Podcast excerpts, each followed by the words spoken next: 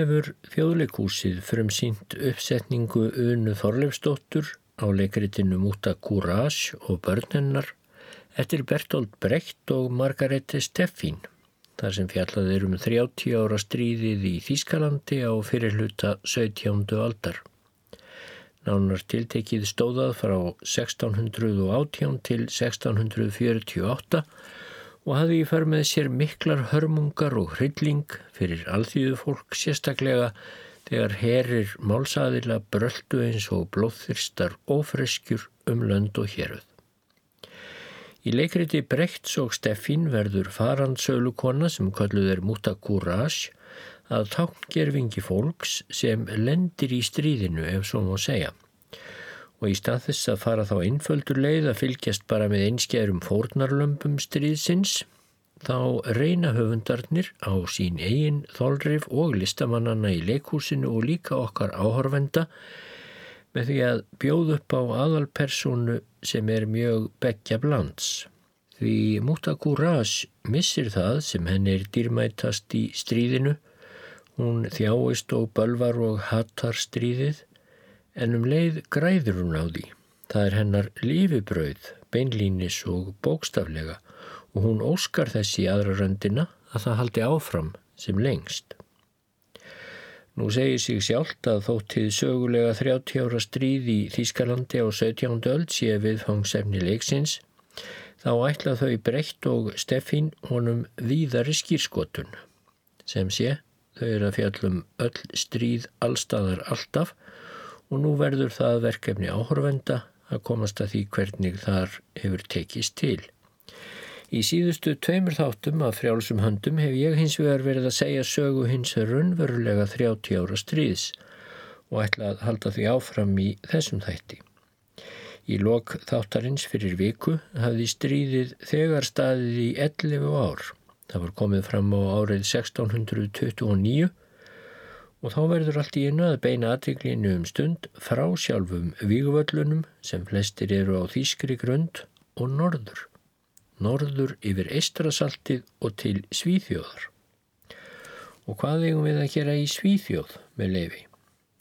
Jú, fyrst af öllu ætla ég að segja ykkur brott úr Svíþjóðarsögu og hefst þá lesturinn þegar Norðurlöndin runnu um eitt skeið, aðeins eitt, saman í eitt ríki og var kallað Kalmarsambandið eftir borg þeirri í Svíþjóð þar sem samningur um saminningu eða kannski öllu heldur bandalagsríki Norðurlandana komst á formlega árið 1397. Flókið manntafl um hásæti og metorð skilaði þeim árangri að þá var Margrét Valdimarsdóttir í reynd orðin drottning yfir öllum Norðurlöndunum þremur. Danmörku, Svíþjóð og Noregi og þar með Íslandi líka en undir yfirborðinu lúrði laungun Norðurlandabúa til að spórna gegn áhrifum þjóðverja við Eistrasalt og í Norðurhöfum bæði kaupmannasamtaka eins og bandalags Hansaborgana og svo ímissa þeirra fyrsta í norður þýsku hýraðunum sem það voru allmjög að eflast sumir. Eftir um það byrj öld var Kalmar sambandið hins vegar farið að trostna verulega og engum voru svíjar ónæðir.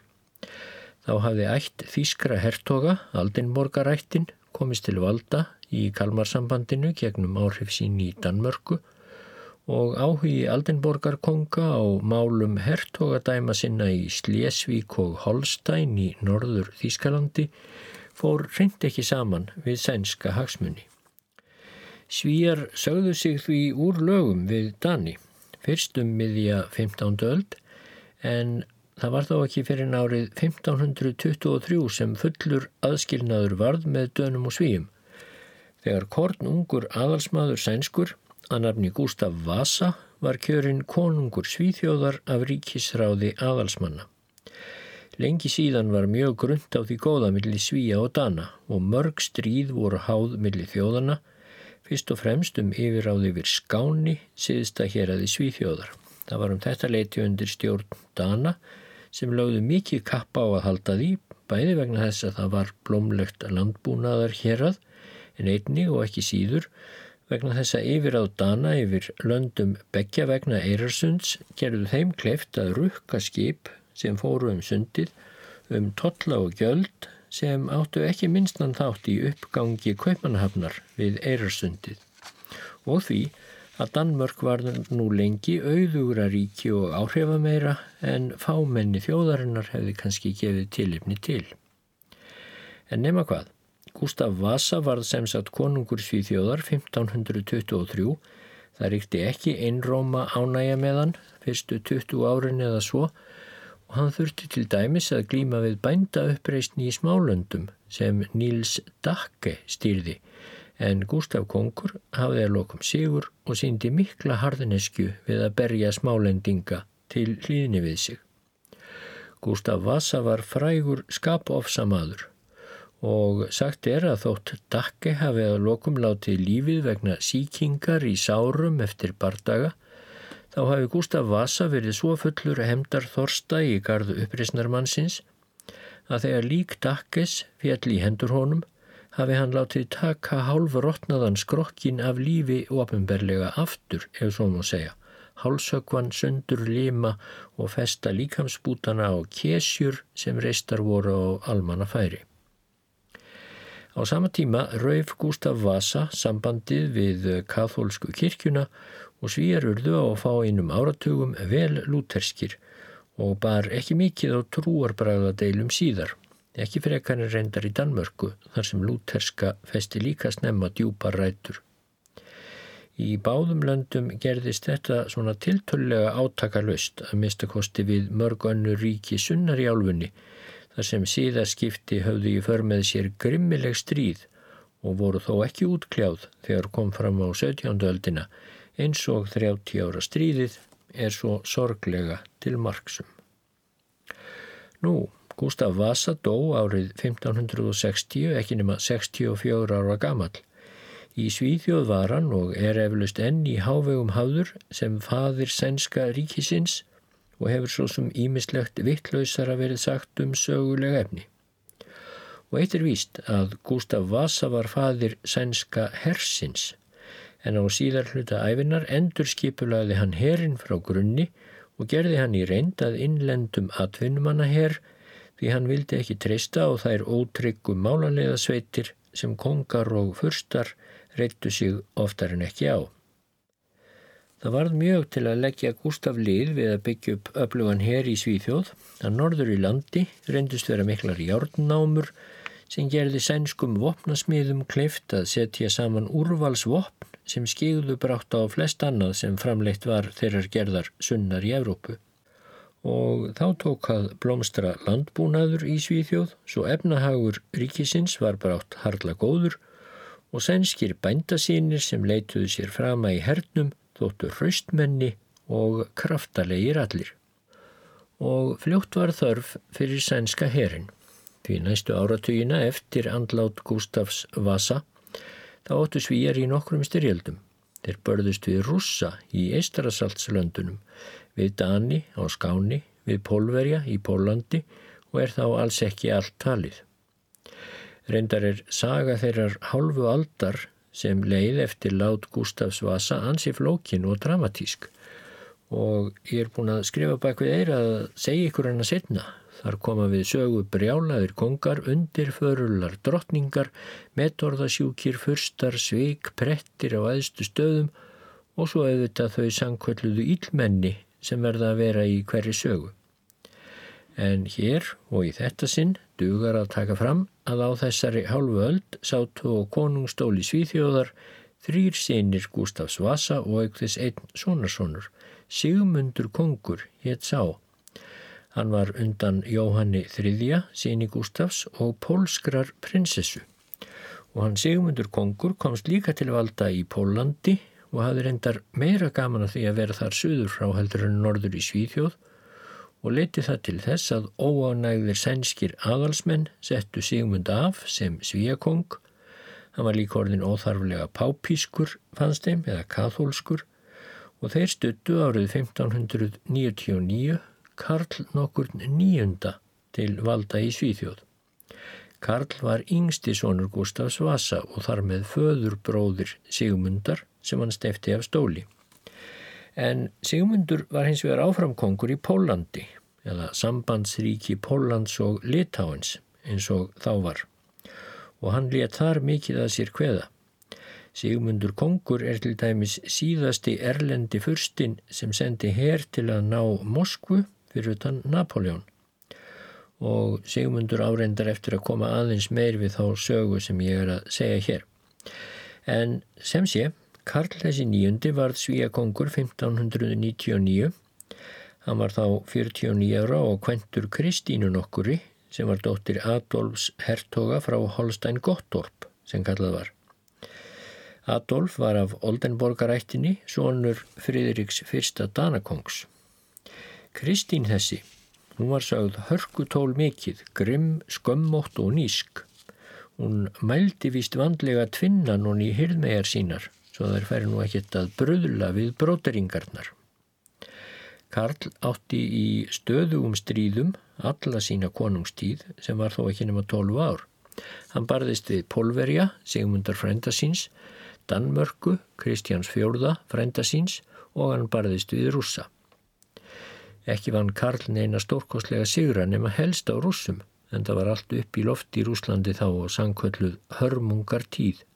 Þá vantaði til dæmis sárlega nýjan keisara eftir að ætt Ívans Grimma dó út og þá dætt einhverjum rúsum reyndar í huga að fá yngri svon Karls Svíakonungs til að verða keisari yfir Rúslandi og átti að senda sænska prinsinn barnungan á kjörfund stór bójarana í Moskvu sem átti að kjósum nýjan keisara en Kristín Drottning tók ekki í mál að senda svon sinn ungan í gín rússa svo hann fór hverki og ættarlaukur Rómanofjölskyldunar varði í staðin keisari eða tsar yfir Úslandi.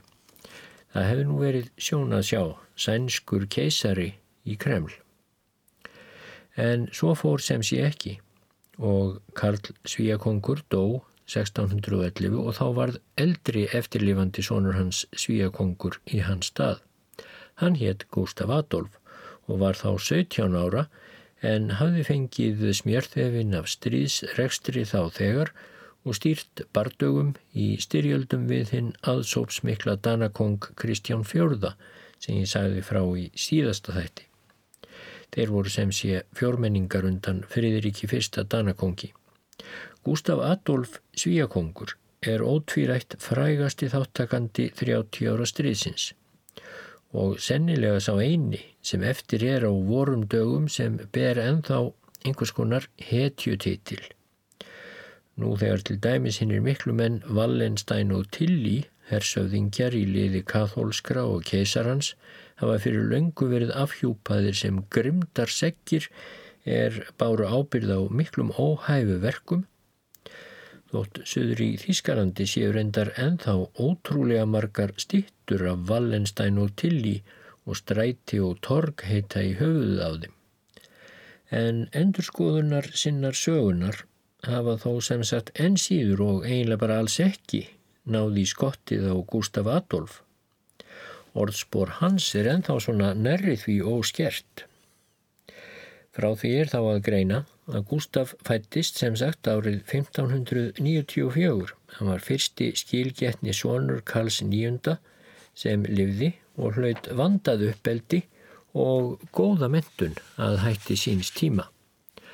Gustaf reyndist vera príðilega gefin, hann var allatíð íhugull og vel meinandi eftir því sem gerðist um konga í þá daga og þótt hér verði ekki tóm til að fjallum annaðin stríðsregstur svíakonungs, þá líti ég að skjóta því hér að að á heimavíkstöðunum í Svíþjóð er orðspor Gustaf Adolfs líka alveg ljómandi takk fyrir eftir því sem ég best veit. Hann þótti færa sænst samfélagað ímsuleiti til nútímans og hvað meira að segja hafa lagt ímislegt af mörgum til að alþýðu fólk og þá helst í merkingunni þokkalega eða beturstæðir borgarar væru ekki jafn réttlausir og verið hafði anspænis boldangs barónum og þvíumlöguðu hiski. En stríð voru nú samt ær og kýr Gustaf Adolfs og hann var í stríði mest alla sína konungstíð eða í rúm 20 ár. Ekki átt hann þó söka á þeim öllum sjálfur. Fyrsta stríðið stóður endar yfir þegar hann tók við konungstigninni. Það var hið svonemnda Kalmarstríð við Dani sem eh, frændi Gustaf Adolfs Kristján Fjörði átti alla sök á eins og ég rætti reyndar vandlega í þættinum fyrir viku. Kristján vildi einfallega bara auka dýrð sína og Danmerkur. Kalmarstríðið endaði með halgerðu jafntefni, ítla horði fyrir svíum á tímabili en þegar samið var um þrið að lokum þá hefðu þeir litlu sem engu landi tapað en þurfti að vísu að borga dönum allháar stríðskaðabætur. Meðan þetta stríð stóð yfir þá fór hinn ungi Gustaf Kongur með hersinn og leik Ílla bæi og Þorp á Skáni svo íbúar á Skáni er víst æg síðan og þótt liðin séu 400 ár einna sístir svíja til að trúa því að Gustaf Adolf hafi verið valmenni og mildur vel sem konungur. Í sumum bæjum og þorpum á Skáni stóð valla stein yfir steini eftir að svíja kongur fórum. Nú, stríð svíja við rússa endaði með því að tilraunir rússa til að ná fótfestu við Eistarasalt voru fyrir bí og það leið heil öld þánga til Pétri Mikla tókstalóksins í Norðurlanda ofriðinum Mikla. Með fáinum hljöfum stóð stríð Svíja og Pólverja hins vegar allt til ásins 1629. Það stríð var laung og flókin baráta þar sem margir aðilar kom við sögu en snerist í grundvallaratriðum um það hvor þjóðin skildi vera ráðandi við Ístarasalt auk þess sem Sigmundur Pólverja kongur vildi flest til vinna að endur heimta sænsku krúnuna sem hann leitt svo á að hann hefði verið rændur. Í síðustu orustu þessa langvinna stríðs byðu svíjar reyndar ósegur þar sem nú heitir Tjano í Pólandi. Rirs endi, hvað það þýða. Staðurinn er skamt sunnan Gdansk eða Danzík eins og borgin hétt þá. Og þar láfið að Gustaf Adolf væri hreinlega drepinn af hinnum fjöðruðu pólsku húsararitturum. Svíakongur komst að lokum undan á hröðum flóta og var sagður hafa mistu veldisbrota sinn út í svolítið stöðuvatn í viðáttu miklu mýrarlandi. Veldisbrotin kuði verðar enn ef einhver vill kafa hon í vatnið. Þessi ósigur Gustaf Adolfs við Tjano allir því að fríðarsamningar sem nú var gengið í að ljúka loksins við, enda báðir aðilar búinur að fá nóg, þeir fríðarsamningar voru ekki alveg jafn hagstæðir svíum og ella hefði orðið, en samt sem áður unnu svíjar er reynd sigur í þessu langvinna stríði Þeir urðu áhrifamestir en þó ekki alveg einráðir við eistarasaltið austanvert og fengu nú rétt til að rukka pólverja um 3,5% toll á alla þeirra verslun á hafinu og sátollur var til þess að svíjar eignuðus nú á stuttri stundu fúlgur fjár en hafðu áður verið hérum bil að fara á hausin og fyrir Gustaf Adolf var það afar mikilvægt. Hann var að sapna í hyrslur því hann ætlaði nefnilega í stríð strax aftur. Þegar svíjar skrifið undir friðarsamninga við Pólverja eftir þetta stríð sem þá hafi staðið með nokkrum hljöfum í 29 ár, þá var nefnilega hafið fyrir 11 árum það stríð sem síðar fjekk nafnið 30 ára stríðið. Og þar vildi Gustaf Adolf fá að reyna sig og sinn sænska herr sem nú var sannarlega orðin þraut þjálfuð vígvél eftir margvíslegar umbættur sem Svíakongur og hans kná og herfóringjar höfðu gert á skipulagi hersins, búnaði og aðferðum öllum. Það bar sannarlega vottum sjálfströst Svíja og konungs þeirra sérstaklega að Svíjar skildu nú sjálfvilju ír bruna strax af stað, söður í Þískaland, þar sem hersveitir til í Skreifa og Wallensteins höfðu verið alltaf því ósigrandi en Gustaf Adolf var líka mikið niðri fyrir. Auðvitað væri hægðarleikur að slá því förstu að fyrst og fremst hafi vakað fyrir honum að auka sína dýrðu og gafla fjár með ruppli og ránum sem allir heri stunduði í þá daga.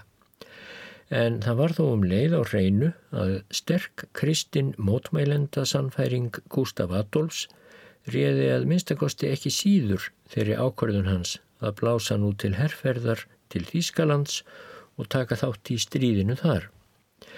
Þar hófst stríð eins og við munum árið 1618 með því að bæheimsmenn eður tjekkar gerðu uppreist gegn Ferdinand keisara Habsborgara að því hann vildi fara að þjarmaða þeirri mótmælendatrú sem bæheimsmenn hafðu lengi samið um að þeir mættu praktísera þótt keisarin yfir þeim væri ramlega kathólskur. Það tók hersveitir á vegum Ferdinands keisara ekki langan tíma að hveða niður uppreistn bæheimsbúa og reka öfugan burt kongnefnu sem þeir hefðu komið sér upp, Friðrik Vetrar konung sem kallaður er. Þar voru hersveitir til í skreifa á ferðinni.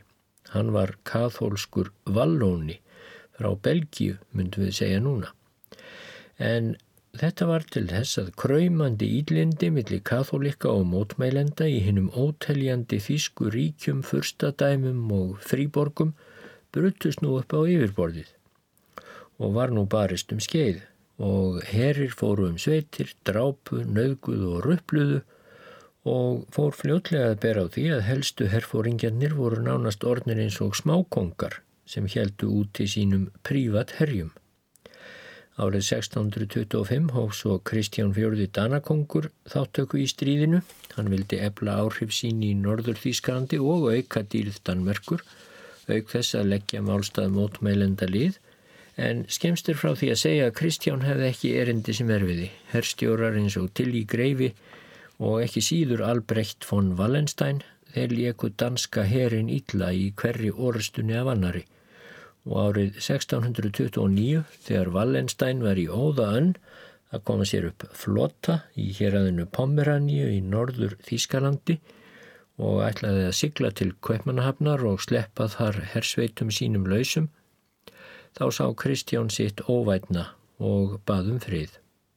Hann slapp frekar billega því ímislegt var þá meira aðkallandi í stríðinu fyrir katholika og keisara heldur en þjár maður dönum Það hafði bæði brotist út stríð á Ítalju um yfirráði yfir leiðina frá þeim héruðum ítölskum sem hinn spænska grein Habsborgarna réði og lág norður til Niðurlanda og þar þurftu austurísku Habsborgarannir að taka til hendinni til stöðningsfrændum sínum á Spáni.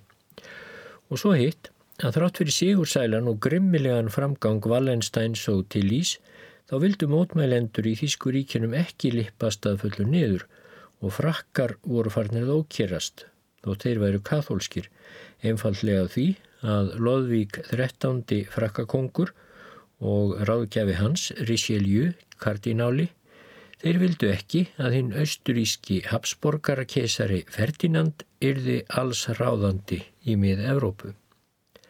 En meðan öllu þessu fór fram í Þýskuríkinum þá hafði Gustaf Adolf sem sagt verið upptekinn í bardugum sínum í Pólandi og Eistrasaltsríkinum en þeim laug með friðarsamningunum 1629 um Svipaleiti og Kristján Fjórði var það rökklast frá Þýskalandi með skottið millir lappana og katholikar virtust nú vera með pálmann í höndunum eftir stríði 11 ár. Í mars, þetta sama ár, 1629, var Ferdinand Keisari meira sig orðin svo sigur viss að hann gaf út sérstakka tilskipun þar sem í reynd var kveðið áum að verulega skildi þjarmaða réttindum mótmælenda, jafnvel í ímsum þeim héröðum, þar sem þrýðarsamningar í Ágsborg tæpri öld fyrr hafðu fest réttindi mótmælenda í sessi. Ef tilskipun Ferdinands hefði gengið að fullu fram hefðu katholskir biskupar til dæmis tekið yfir hinn áhrifamiklu erkibiskupstæmi í Bremen og Magdeburg og í tólf biskupstólum viðsvegar um Þísku ríkin. Tilskipunin og svo hugsun sem þar bjóðað baki hafði strax í förmið sér mikla tilflutninga á valdi, áhrifum og auðæfum frá mótmælendum til katholika. Þetta bættist ofan á sjálfar trúardeilunar. Því margir fyrstar og forkólvar ímissa svæða og borga sem hefðu helst kosið að vera hlutlausir urðu nú að vera tilbúinir til að verja eignir sínar og þegna. Þannig breytist stríðið gríðarlega út. Því málarleðasveitir katholika hafðu nú fleiri hlutverkum að gegna en einungis að sigra hinn að ofinberu heri mótmælenda og þeir ruttust á skamri stundu gegnum hlutlaus ríki og héröð og rændu þar öllu steini léttara, brendu þorp og bæi, undir því yfirskinni að þeir væri að framfylgja bóðum keisarans í tilskipun hans. 2000 mótmælenda flýðu til ríkja undir stjórn mótmælenda fyrsta og flóttamannaströymurinn jók enn á hörmungarnar sem fyrir voru en það feildu hungursneiður og drepsóttir kvarvetna í kjölfar herjana. Margir af fyrstum katholika voru í raun á móti hinni hörkulegu tilskipun Ferdinands en þeir þorðu þó lít að setja sig upp á móti vilja keisarans en það var þó einsvíst að 135.000 manna þraut þjálfaður málarlega herr Wallensteins færi að ykla sig í áttina að þeim. Wallenstein var endar sjálfur á því að þessi tilskipun gerði meiri skada en gagn en hann kaust á að setja sig ekki upp á móti keisaranum að sinni en þeir voru til sem heldur því fram að Albrecht von Wallenstein býði bara eftir rétta augnablíkinu. Þá myndan snúa sinni þraut þjálfuðu drápsvél í söður átt, fara til Vínarborgar og hrifsa keisarastólin af Ferdinand Habsborgara og setjast þar sjálfur. Rétt eins og rómverskir og bísanskir herstjórar hafðu gert óteljandi sinnum á fyrirtíð og eins og herfóringjar í öðrum heimslutum gerðu yðurlega en hafi lítið týrkast í Evrópu undanfarnar aldir. En nú er orðið tímabært að segja svolítið frá Wallenstein. Hann fættist árið 1583 og var því aldarfjörðungi yngri en Jóhann Tserkles eða Tilly Greifi hinn frægasti hersöðingi keisarhersins í 30 ára stríðinu. Hann nefndist við fæðingu fullunafni Albrecht Václav Eusebius Valdsteina og var af bæheimsku eða tjekknesku bergi brotin. Fóreldrar hans tilherðu bæheimskum láaðli og réður ríkjum í smáþorpinu Ermanich í austanverðum sútettafjallum næri landamærum Pólans. Valdsteina fjölskyldan var langt frá því auðug en tilherðu þó fína fólkinu og ættarlaukurinn Albrecht hlaut góðamentun og fjölbreyta á þeirra tíma vísu. Hann mun hafa verið sérstaklega mikill tungumálagarpur. Fadur hans talaði þýsku við hann en móðurinn teknesku og hann kunni vist betur teknesku en þýsku lengi vel. Fóraldrar hans voru mótmælendur eins og meiri hluti bæheimsbúa. Þegar Wallenstein var komin um tvítugt voru foreldrar hans bæði dáin en hann hafði þá búið hjá frænda sínum um skeið. Hann ákvaði rétt upp úr tvítugu að gerast katholikki og fórum svipaleiti að temja sér að tala þýsku frekar en teknisku. Það var þá sem hann fór að nefnast Wallenstein en ekki Valsteina. Þessar umbreytingar á síðum sínum verðist Wallenstein helst hafa gert í þeim veraldlega tilgangi að koma betur undir sig fótunum í Habsborgarríkinu en um þetta leiti, þar að segja á fyrsta áratug 17. aldarinnar, voru þegar og lofti ímis ummerki um að keisarar Habsborgara myndu brátt fara að þrengja hlut mótmælenda svo ummunaði og til dæmis skerða mjög möguleika þeirra að komast yfir lönd og egnir en lönd og egnir voru mikið áhuga mál Wallensteins. En þótt Wallenstein virðist hannig hafa tekið meðvitað ákvörðunum að verða katholskur þjóðvergi í stað þess að vera tekniskur mótmælendi, þá er mælt að hann hafi þó áfram bölvað og blótað á teknisku allt fram á sína síðustu stund. Og til þess gáfust Wallenstein reyndar nægtækifæri því hann var frægur skapofsamadur, orðljótur mjög og ofstopafullur. Raunar segir í fróðulegri og skemmtilegri æfisögu Wallensteins eftir Góló Mann, svon Tómasar Mann, Nobelsöfundar, að hann hafi nánast frá blöytu barsbeini verið kallaður klikkaði Wallenstein. Svo mikill var ofstopin í honum og þótt hann hafi á fullorðins árum lært að hemja skap sitt svo hann væri í húsum hæfur og gæti átt samskipti við fólk þá bjóvist fólið í honum öllum stundum og allt til æfi loka. En Wallenstein hófst nú handaðum að koma sér áfram í samfélaginu. Hann kom sér inn fyrir dyr við hyrð keisarans, kventist til fjár og það tvísvar frekar en einu sinni, þó ekki samtímis, og hann fór að láta mjög til sín taka í herrmennsku.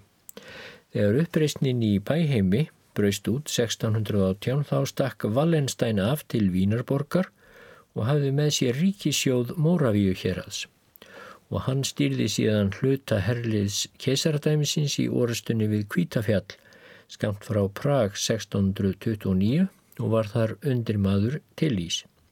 Bæheimsmaðurinn tók sem sagt dikkan þátt í því að bæla niður uppreist bæheimsbúa. Og eftir að svo uppreist hafði verið bælt niður egnaðist Valenstein hilmiklar lendur og hann var útnefndur greifi og fekk mér segja vald til þess að slá myndi í héræði sínu. Og hann virtist nú þess albúin að verða meiri háttar katholskur fyrsti í bæheimi. En eins og fram hefur komið, stríðinu reyndist hverginari lokið því nú hófust bardagar millum mótmælendaríkja og katholskra í Þískalandi, svo mætti Kristján Danakongur á svæðið og Wallenstein var brátt niður sokkin í að stýra hersveitum í mörgnæstu ár. Hann reyndist afar lunkin herfóringi, sérlega gefið að smala saman nýjum hersveitum í stað þeirra sem fjallu og ægi þurfti svo sannarlega að vera í herbúðum Wallensteins. Sigrar hans á Kristjáni fjórða leittu brátt til þess að hann var þess albúin að verða hæstaráðandi í öllu Mecklenburgar hér aði í norður Þískalandi og eins og ég saði reyndar áðan þá var standið á Wallenstein nú orðið slíkt að Ferdinand keisarisuður í Vínarborg var jafnvel farin að óttast um sinn hag. Sjálfur var Ferdinand engin herfóringi og bjóst ekki við að geta staðist Wallenstein snúning ef herr hans byrtist utan við Vínarborg. En í byli þurfti Ferdinand keisari samt ekki að óttast Wallenstein því skálkurinn sá Arna ákvaða að halda treyð við keisaran þegar ný og reyndar mesta ógnin til þessa byrtist skindilega á sjóndeldarring katholika í mið-Evrópu.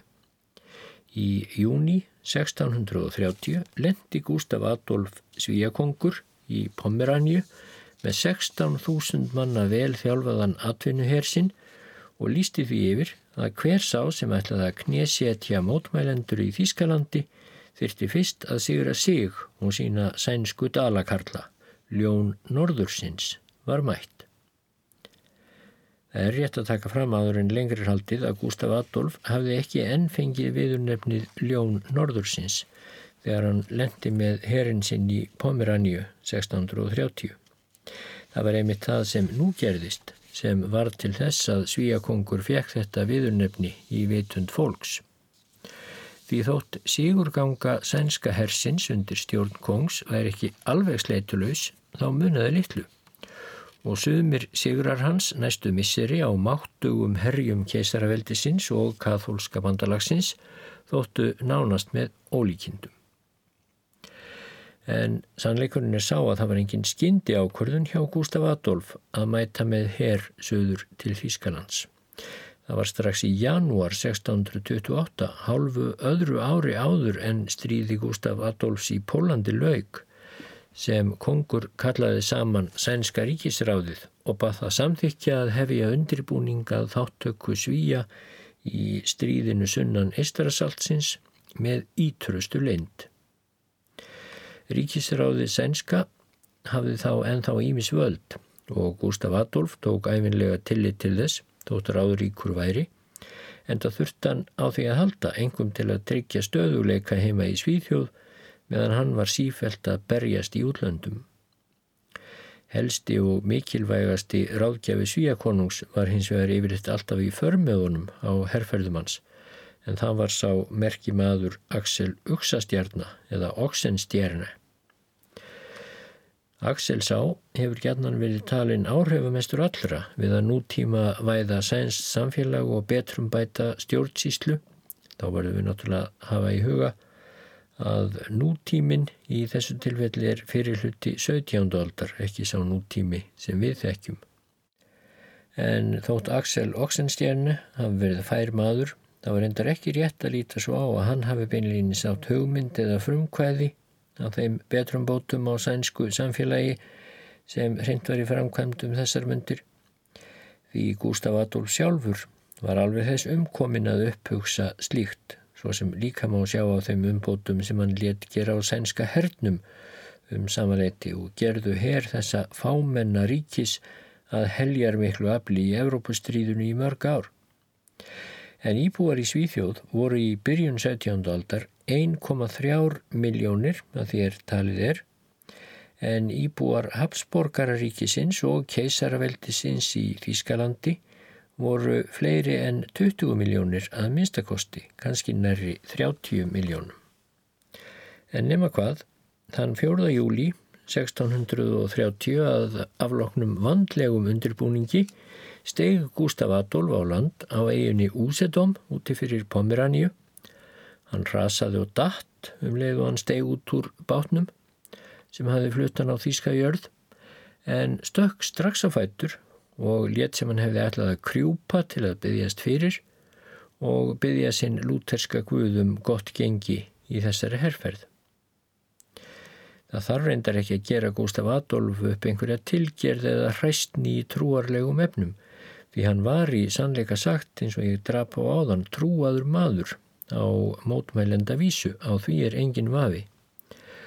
Og þótt hann hafi í herrferðinni viljað ebla sænska verslun og áhrif við eistarasalt þá var það samt áraðanlega ekki það sem hún var allra efst í huga heldur taldan brínt að styrkja mótmælendur sem nú má segja að hafi verið ornir eins og mísundir fjallaketti keisarans og herfóringi hans þeirra Tillís og Wallensteins og fáinn annara. Öngvir herir mótmælenda voru þá á ferðinni um sveitir og fyrstar mótmælenda reyndu bara að halda sjó hver í sínu ríki og þeir byggust á margir til að semja frið við Ferdinand keisara og láta af allir uppi vöðslu í hans garð gegn því að fá að halda sinni trú í bestafalli. Jável hollendingar voru komnir í sáttagýr gagvart kesaranum. Það var helst að mótmælenda fyrstatnir bindu vonir við að frakkar með Richelieu kardinála fremstan í flokki, ramlega kathólskan auðvitað, kemur þeim til bjargar. En Richelieu var enn ekki tilbúin til að leggja til hersveitir heldur aðeins fjárstuðning. Mótmælendur í Þískalandi hlöpu því ekkert strax upp til handa og fóta þótt fréttist af því að svíakongur væri mættur þeim til aðstóðar og það liðu margir mánuður, já nær því heilt ár, áður en Gustaf Adolf hafði tryggt svo stöðu sína þarna í Pomeranju og aflaði sér bandamanna og fjárstuðnings frá frökkum svo hann gæti lagt af stað í alvöru herrferð gegn keisaraveldinu. En einmitt þá Þegar Gustaf Adolf held loks af stað suður á bógin á vormánuðum 1631 þá átti sér stað einn hróðalegast í kapli 30 ára stríðsins og er þó úr mörgum skelvingum að velja. Það var þegar til í Greifi eða Johann Zerklas lagði undir sig Magdeburg. Magdeburg er gömul og gróin borg í Þískalandi, nokkurn veginn í miðjulandi en þó heldur austarlega. Borgarbúar höfðu snemma undirgengist Lúterstrú og vildu fá að halda henni svo svo tilskipan Ferdinands keisara sem ég nefndi á þann kom ítla við á. Þeir ætluði sér sannarlega ekki að gerast kathólskir og ný. Því voru þeir einna fyrstir til að ganga til liðs við Gustaf Adolf þegar hann mætti til Þýskalands og hvaðst vilja verða verndari og brimbrjótur lúterskunar.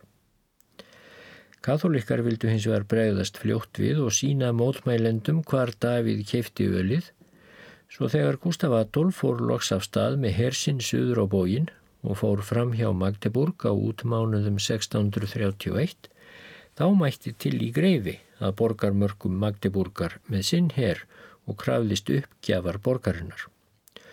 Umsáturs herr tillýst haldi á endanum 40.000 manns en íbúar Magdeburgar voru þá rúmlega 25.000, karlar, konur, börn, gamalmenni, herrmenn og óbreyttir borgarar. Þar á meðal flóttamenn frá héruðum sem herirnir höfðu lagt í rúst. Íbúar í Magdeburg vörðust í nokkrar vikur, átt í tvo mánuði og byðu þess að Gustaf Adolf kæmi þeim til aðstóðar en hann var þá enn söður í Þýskalöndum og var þar upptekinn við orstu svo þegar Tilly lagði til úrslita allögu gegn borgarvirkjum Magdeburgar þá fengu íbúar ekki rönd við reist. Grimmir og þrautþjálfaðir málalegar tillís brutust yfir múra og virki, drápu mann og annan og heldu svo inn í borgina þar sem hermeninnir sleftu fram á sér beislinu í blóðu vistlu og rænt var og rupplað af hjartans list. Í samtíma heimild segir svo að nánastum leið og hermenn katholika ruttust inn í borgina þá hafið þeir stundað það að kveikja elda hvar sem þeir komu og þessir eldar voru kveiktir í öllum hornum. Þar með var borgin glötuð og öll mótspyrna til einskis. Að lokum náðu árásarmenninir að opna krökkenhlið og hleypa inn öllum dátum keisarahersins og kathólska bandalagsins og voru þar komnir ungverjar, króatar, pólverjar, stigamenn úr Tyrkjaveldi, Ítalir, Spánverjar, Frakkar, Vallónar, þjóðverjar frá Efribygðum og Neðri og margir fleiri. Og nú var öll borgin fallin í hendur þessara grimmu ofina sem voru fullir hemdarþorsta í gard borgarbúa bæði að því íbúar Magdeburgar vildu fylgja mótmælendatrúni eins og Áksborgarfriðurinn hafði veitt þeim fullt lefi til og eins af því að verjendur borgarinnar höfðu skotið að þeim af lásbógum sínum og af borgarmúrunum, gerti lítið úr þeim og hæðst að þeim og æst upp í þeim reyði bál. Nú tóku við morð, íkveikjur, greipdeldir, pyntingar, hörmungar og barsmíðar. Hver einn og einasti dátur endi að sópa til sín sem mestu herfangi og þegar greipdeildarmenn höfðu farið um hús svo þar var ekkert eftir fjemætt af neinu tægi þá var voðin vís þegar nýjir hópar gráður að dáta mættu á svæðið og vildu líka sitt. Þá fóru hermeninnir að berja og skjelfa fólk og hótuð að skjóta það, kviksetja það eða hengja það og þannig varð fólk að afhenda síðustu reytur sínar ef einhverjar voru.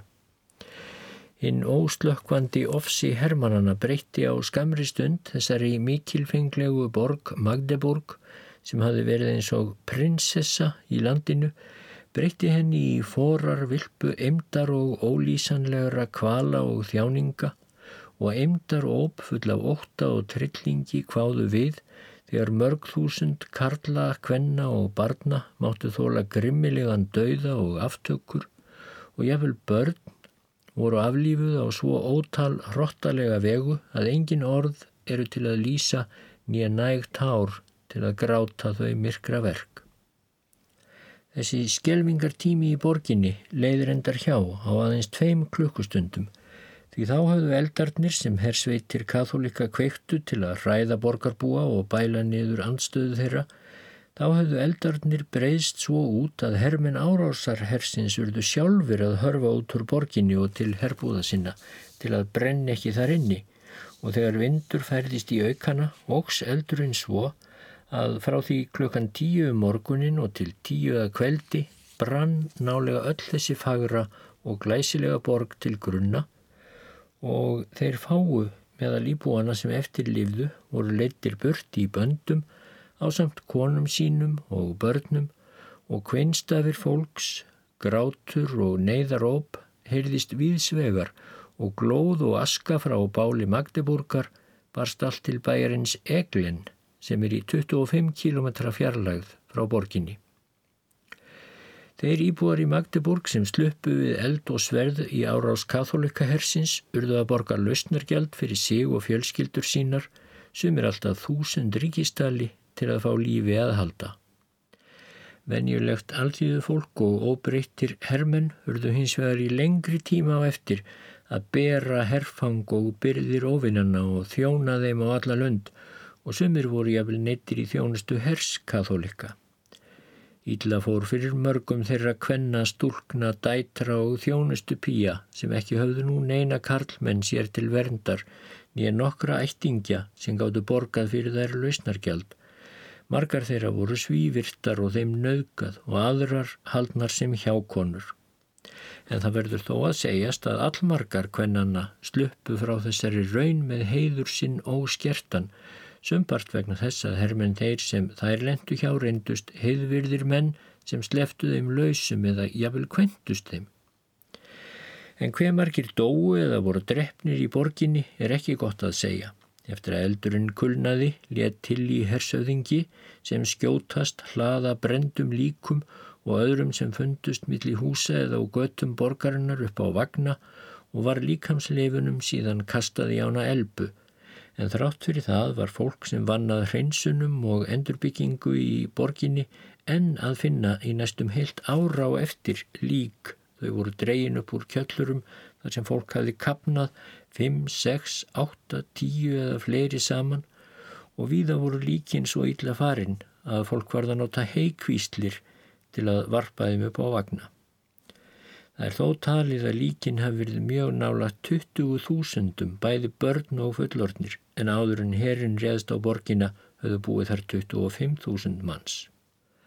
Einna skjelvilegast var þó að á staðnum þar sem Hermenn Tillís höfðu varpað líkum fórnarlambanna í elbufljót, þar er eyði út í fljótið og líkin lendu í eins konar ringiðu fyrir ofan eyðið og flutu þar ring eftir ring í langan tíma sem líkin með skadbrent eða sundurhögg við höfuð upp úr vatninu en önnur virtust rétta upp hendur til himins eins og þau væri að byggja Guð sér vægðar og skeldist fólk mjög sem horfðu upp á þetta.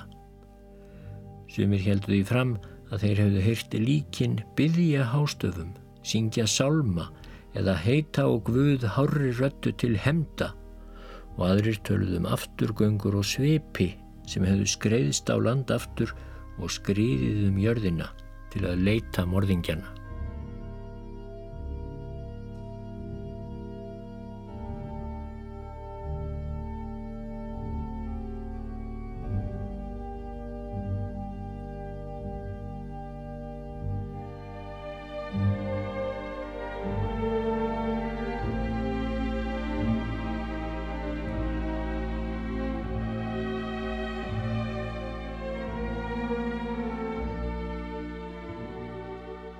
Þjáningum íbúa Magdeburgar var lokið en það voru þeir flestir döðir.